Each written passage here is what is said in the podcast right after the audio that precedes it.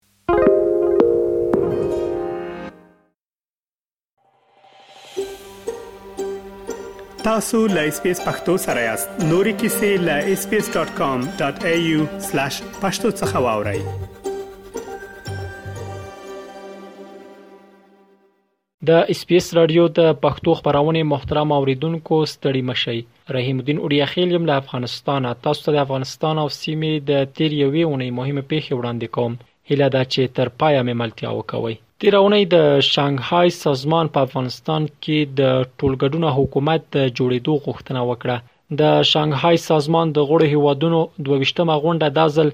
د ازبکستان په سمرقند کې وشوه که څه هم د دې غونډې یو مهم بحث افغانستان وو خو له افغانستانه پکې هیڅ یو استازي ته د ګډون بلنه نه و ورکړل شوې دغه دوه ورځنۍ غونډه تیر اونۍ د شنبه ورځ د یوې ګډې اعلامیې په خبرولو سره پای ته ورسیده په اعلامیه کې راغلی ول چې د شنګهای همکاریو سازمان پر دې باور دی چې د دې سازمان د غړو هیوادونو په سیمو کې امنیت او ثبات رامنځته شي او د افغانستان وضعیت ته باید جدي پاملرنه وشي د شانګهای همکاري سازمان په خپل اعلامیه کې په افغانستان کې د یو داسې ټول شموله حکومت غوښتنه وکړه چې د ټولو قومي، مذهبي او سیاسي ډلو استازي پکې شتون ولري. په اعلامیه کې د هغو ګاونډیو هیوادونو ستاینه شوې وه چې په تیر کلونو کې د کډوالو افغانانو کوربتوب کړی دی. د شانګهای سازمان وویل چې دوی په افغانستان کې د بشري مرستو لپاره له ټولو هڅو ملاتړ کوي طالبانو که څه هم د ټولشموله حکومت د جوړېدو په اړه د شانګهای سازمان د یادې غوښتنې په تړاو تازه څه نه دی ویلي خو تر دې وړاندې په بار بار ویلي چې د دوی اوسنی رژیم ټولګډونی دی.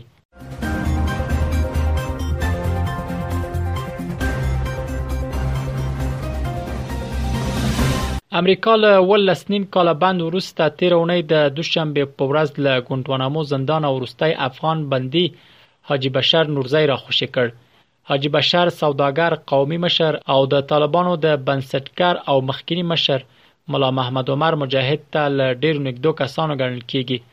د بشر نورزي په اړه ویل کیږي چې په 2001 کال پر افغانستان د امریکا په مشرۍ د نړیوال ائتلاف له برید راوروسته کلونه کې له امریکا سره همکاري کوله خو په 2015 کال دغه هیواد ته د سفر پر مهال ونیول شو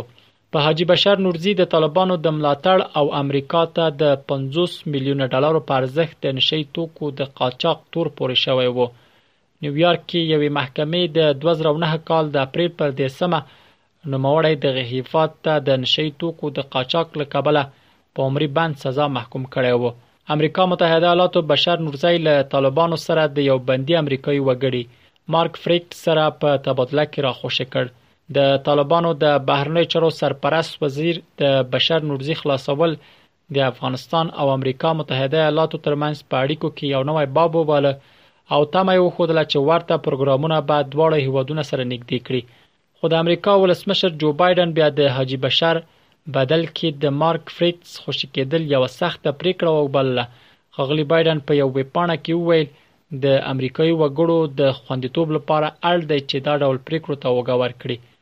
مارک فریتز چې د امریکا د سمندري ځواکونو متقاعد انجینر و، په افغانستان کې د یو ملکي قراردادي په توګه کار کاوه، په 2020 کال کې لادرکه شوی و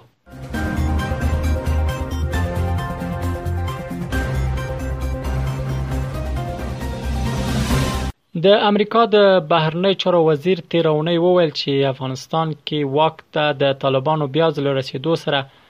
د افغان خزو هغه لاستراوړنې لمنځه تللي چې په تیر شل کلونو کې د نړیوالو په مرسته ترلاسه کړې وي بلینکن دغه څرګندونې د تیر اونۍ د سه شنبه په ورځ نیویارک کې د افغان خزو د اقتصادي خوځښت اتحاد د اعلان په مناسبت جوړ شوی غونډه کې وکړي د دې پروګرام لمخې به د امریکا د بهرنیو چارو وزارت له بوسټن پهنتون سره په ګډه افغان مرمنو ته د سوداګرۍ کارموندنې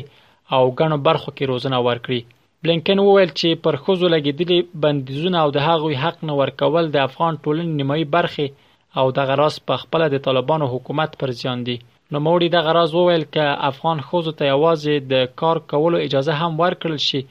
نو کولی شي چې هر کال د افغانستان اقتصاد ته یو میلیارد ډالره ګټه ور ورسوي. بلینکن د افغان ښځو وضعیت ته په پام سره وویل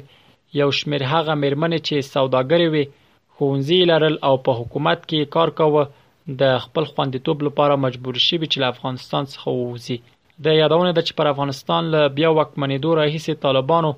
د حکومت او نورو خدماتو په ګڼو برخو کې میرمنې له کاره ګرځولې دي چې له کبله یې زرګونه هغه یې بې روزګاره شوي او په کور ناستې دي.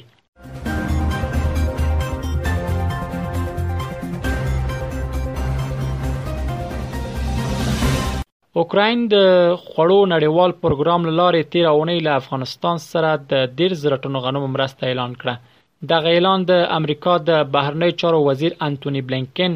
د ملګرو ملتونو د سرمشریزې په څنډه کې چې په نړۍ کې د خوراکي توکو د مسؤلیت په اړه د غونډې مشري کوله پر خپل ټویټر پاڼه کې کړې و. بلینکن لیکلی ول په داسې حال کې چې د روسیې د وحشیانه یرغل له امله اوکراین له کړاوونو سره مخ دی له افغانستان سره دغه مرسته په دې هیواد کې د روان بشري بحران د کمولو په مخه کړې د رسنیو د راپورونو لمخې د افغانستان لپاره د اوکرين د غلې د مرستو بیړۍ د تیرونې د پنځشنبه په ورځ حرکت کړی ویل کېږي د افغانستان سربېره سومالیا اتویا او کینیا هیوادونه به هم د اوکرين مرستې ترلاسه کړي اوکراین په نړۍ کې د غلو دانو یو له سترو صادروونکو هیوادونو څخه دی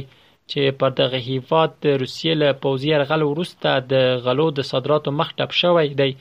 او له امله یې نړۍ د خوراکي توکو له کمښت سره مخ ده.